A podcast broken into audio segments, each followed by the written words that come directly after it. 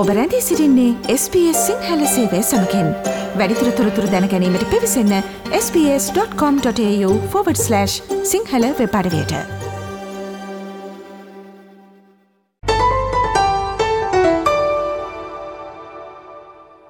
ශුද්‍ර කුඩා සහ මධ්‍යම පරිමාණ විවසායකයන්ගේ දිනය අදට යෙදී තිබෙනවා.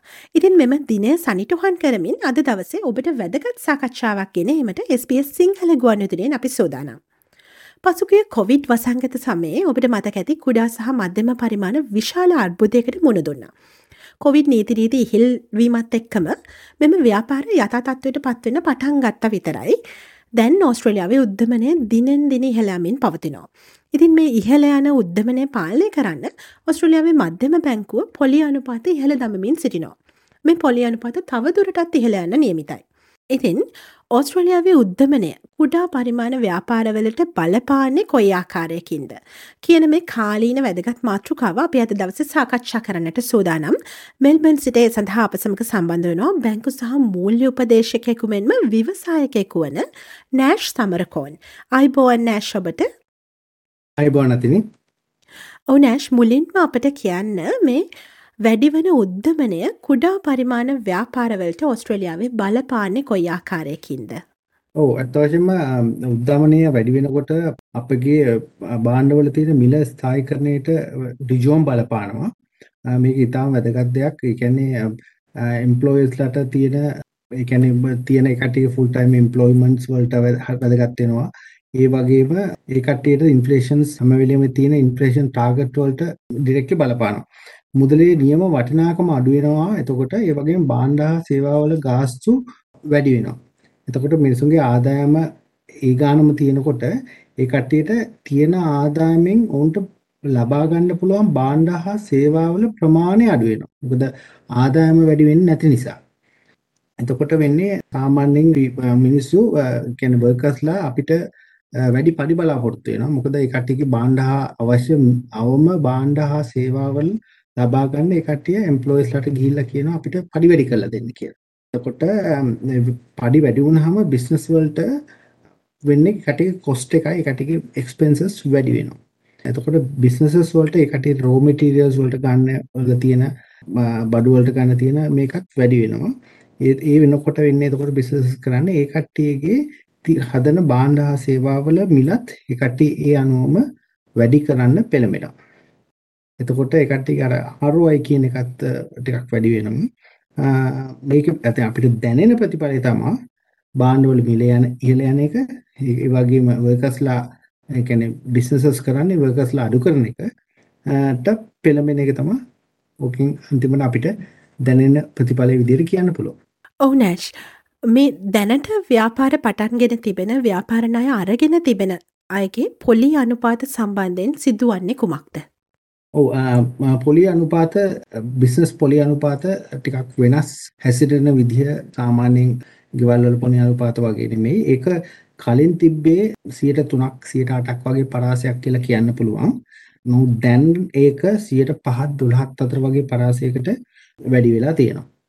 එතකොට ඒකට වෙන්න ප්‍රධානම හේතුව තමයි දැන් අපි බැලුවොත් එහෙම 160ක් 65ක් විතර ගණන් වැඩි වෙලා තියෙන හැම බඩුවක ඒ වගේම 140ක් විතර බිස්නසස් අපි ස්ටාෆ් අඩු කරලා ඕස් අඩු කරගන්න try කරලා තියෙනවා. එතකොට ඒ වගේම බිස්නසස් 130ක් 40ක් විතර ප්‍රමාණයක් බිස්නස් ලෝන් වලට යන්න පෙළඹිලා තියෙනවා.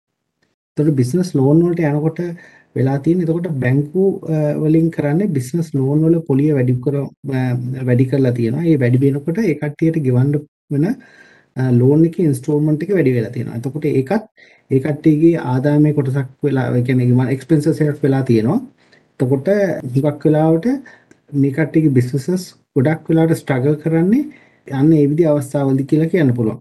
බිස්නස් ලෝන් වගේම දැන් බැංකු කරලා තියෙන්නේ බිස්නස් ලෝන්ස් ගන්න තියෙන හැකියාව මේජර් බැංක්ස් වලින් ගොඩක් ටයිට් කරලා තියෙනවා. ඒ කියන්නේ කොලිෆයින් කරන ප්‍රමාණය ඒ කියන්නේ ඉන්ට්‍රස්ට් රේට් එක වැඩි වෙනකොට ගන්න පුළුවන් වෙන ලෝන් එකේ සයිස් එක අඩු වෙනවා. එතකොට වෙන්නේ මේජර් බැංක්ස් වලට යන්න නැතුව අපි කියන්නේ ඊළඟට tier 2 tier 3 වගේ බැංක්ස් වලට යන්න බිස්නසස් පෙළඹෙනවා. එතකොට ඒ කට්ටියගේ පොලි අනුපාතය වැඩි. එතකොට ඒ කට්ටියට ඒක ඍජුවම බලපාලා තියෙනවා. ඒ කට්ටියගේ ROI එකට සහ කට්ටියගේ බිස්නස් වල වර්කින් කැපිටල්ස් වලට. ඕ අපේ ප්‍රජාව කෙනෙක් ඉන්න පුළුවන් අලුතින් විවසායකයකු ලෙස යම් අ, කුඩා හෝ මධ්‍යම පරිමාණ ව්‍යාපාරයකට ආයෝජනය කිරීමේ බලාපොරොත්තුවෙන්. වසර ගණනක අත්දැකීම ඇති විවසායකෙකු මෙන්ම බැංකු හා මූල්‍ය කටයුතු උපදේශකයකු ලෙස ඔබට මේ නව විවසායකෙක්ට මේ අවස්ථාවේදී ලබාදීමට තිබෙන උපදෙස කුමක්ද. මේ අවස්ථාවේ දැන් තියෙන බිස්නසස් ගොඩක් හුඟක් වෙලාවට තියෙන මේ පරිසරයත් එක්ක අ, ගොඩක් වෙලාවට ස්ට්‍රගල් කරනවා ගොඩක් බිස්නසස් වැහෙන තත්ත්වයකට පත් වෙලා තියෙනවා. ඒ කියන්නේ බිස්නසස් වලට රිස්ක් එක වැඩි මේ දවස්වල. ඒ කියන්නේ අලුත් අ, ව්‍යවසායකයෙකුට මම කියන්නම් තියෙන්නේ තව බිස්නස් එකක් ගන්නවා නම් ඒක හොඳටම හිතලා බලලා බිස්නස් ඇඩ්වයිසර් කෙනෙක්ගෙන් හොඳටම ඇඩ්වයිස් එක අරගෙන තමන්ගේ තියෙන ඔක්කොම අ, හරි නම්බර්ස් වර්ක් අවුට් කරලා එක්ස්පෙන්සස් ඉන්කම් against බලලා හොඳට හිතලා බලලා ගන්න ඕනේ තීරණයක්. ඒක පොඩ්ඩක් අ, මේ මාස 6ක් විතර ඉදිරි කාලය කියන්නේ අපිට ඔක්කොටම අ, තීරණාත්මකයි. ඒකත් බලලම ඒත් මේ රිසර්ච් කරලම කරනවා නම් තමා හොඳයි කියලා මට මට දැනෙන විදිය. අනික විශේෂම දේ තමා බිස්නසස් වලට මේ දවස්වල සප්ලයි චේන් එක කියන එක තාම නෝමල් වෙලා නැහැ මේ කොවිඩ් එකකින් පස්සේ වුණත්. ඒක ඒක අ, එක ස්ථායි වුණොත් විතරයි අපිට මිල ස්ථායි කරන එකට එන්න පුළුවන්. ඒකින්ද මේ කාලය අ, අලුත් බිස්නස් එකක් පටන් ගන්න අ, ඉතාමත් හොඳ කාලයක් නෙමෙයි. අ, පොඩ්ඩක් අ, තමන්ගේ රිසර්ච් ටිකක් කරලා අලුත් ක්‍රියේටිව් දෙයක් කරන්න පුළුවන් නම් අපි කියන බී ස්මාර්ට් කියන තැන ඉඳලා අපිට හොඳ ප්‍රතිඵල ගන්න පුළුවන් ඉදිරියේදී. ඕ නෑශ් මම ඔබෙන් අවසාන වශයෙන් දැනගන්න කැමති මේ කුඩා පරිමාණ ව්‍යාපාරවලට වැඩිවන පොලි අනුපාත සමඟ ගනුදෙනු කරන්න එහෙමනැතම් යම් සහනයක් ලබා දෙන්න ඔස්ට්‍රලයනු රජයෙන් යම් කිසි සහන ක්‍රියාවලියක් තිබෙනවද එහෙම තිබෙනවනං ඒ මොනවද. ඔව් කොවිඩ් කාලේ අපිට තිබ්බා එහෙම වැඩපිළිවෙලක්. ඒකේ තාමත් සමහර ස්කීම්ස් තාම තියෙනවා. අ, ඒක උම්, උදාහරණයක් විදිහට SME loan scheme එකක් තිබ්බා. SME recovery loan scheme එකක් තිබ්බා. ඒ කියන්නේ අ, කොවිඩ් වලින් ඉෆෙක්ට් වෙච්ච කට්ටියට අ, මුලදී තිබ්බා ඒ ඉෆෙක්ට්ස් වෙච්ච බිස්නස් වලට දෙන්න සහන දෙන අ, වැඩසටහනක්. දැන් තියෙනවා ඒ කට්ටිය වැඩි දියුණු කරන්න. ඒ කට්ටියට grow කරන්න, business grow කරන්න තියෙන loan scheme තියෙනවා. ඒ වගේම ගොඩක් ටැක්ස් බෙනිෆිට් දීලා තියෙනවා පේරෝල් ටැක්ස් බෙනිෆිට් ඒ වගේම covid safe outdoor activation benefits වගේ බෙනිෆිට් දීලා තියෙනවා. ෆ්‍රින්ච් බෙනිෆිට්ස් දීලා තියෙනවා. ඒ වගේම බැංකු වලින් අ, දැන් අලුත් අ, විශේෂ දෙයක් මේ ළඟදී ඉඳලා දැක්කා. බැංකු වලින් දැන් අපි උදාහරණයක් විදිහට බිස්නස් ලෝන් එකක් තියෙනවා නම් යම්කිසි ව්‍යා- ව්‍යාපාරයකට.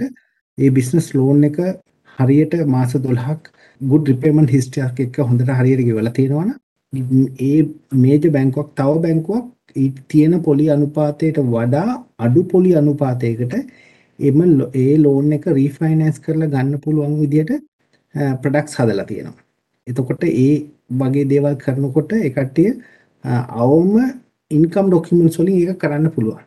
ඒ කියන්නේ අ, උදාහරණයක් විදිහට අපි සාමාන්‍යයෙන් 50000ක් විතර බිස්නස් ලෝන් එකක් තියෙනවා නම් මේජර් බැංක්ස් වලට යන්න පුළුවන් ඒ ලෝන් එකේ මාස 12ක රිපේමන්ට් එක හොඳ නම් කිසිම ඉන්කම් ඩොකියුමන්ට් එකක් පෙන්වන්න නැතුව. අන්න ඒ වගේ දේවල් ගවර්න්මන්ට් ඉනිෂියේටිව් එක හරහා දීලා තියෙනවා ගොඩක් බෙනිෆිට්ස්. ගොඩක් ඒවා අපිට බිස්නස් වික්ටෝරියා කියන වෙබ්සයිට්ස් වලට ගියාට පස්සේ බලා ගන්න පුළුවන්. ඔහු අපි අද දවසේ ඔස්ට්‍රලියාවේ උද්දමනය කුඩා පරිමාණ ව්‍යාපාරවලට බලපාන කොයි ආකාරයකින්ද කියන කලිනව වැදගත් වන මාතෘකාව තමයි කතා බහ කරමින් සිටියේ. ඒ සඳහා SBS සිංහල ගුවන්විදුලි සේවය සමග මෙම සාකච්ඡාවට එකතු වුණේ මෙල්බර්න් සිට බැංකු සහ මූල්‍ය උපදේශකයෙකු මෙන්ම විවසායකෙකු වන නෑෂ් සමරකෝන් මහතා. ඉතින් නෑෂ් ඔබට බෙහෙවින්ම ස්තුතියි අපේ ප්‍රජාවේ ව්‍යාපාරිකයන්ට විවසායකයන්ට අවශ්‍ය කරන මේ තොරතුරු අප සමඟ බෙදා හදා ගත්තට. බොහොම ස්තුතියි.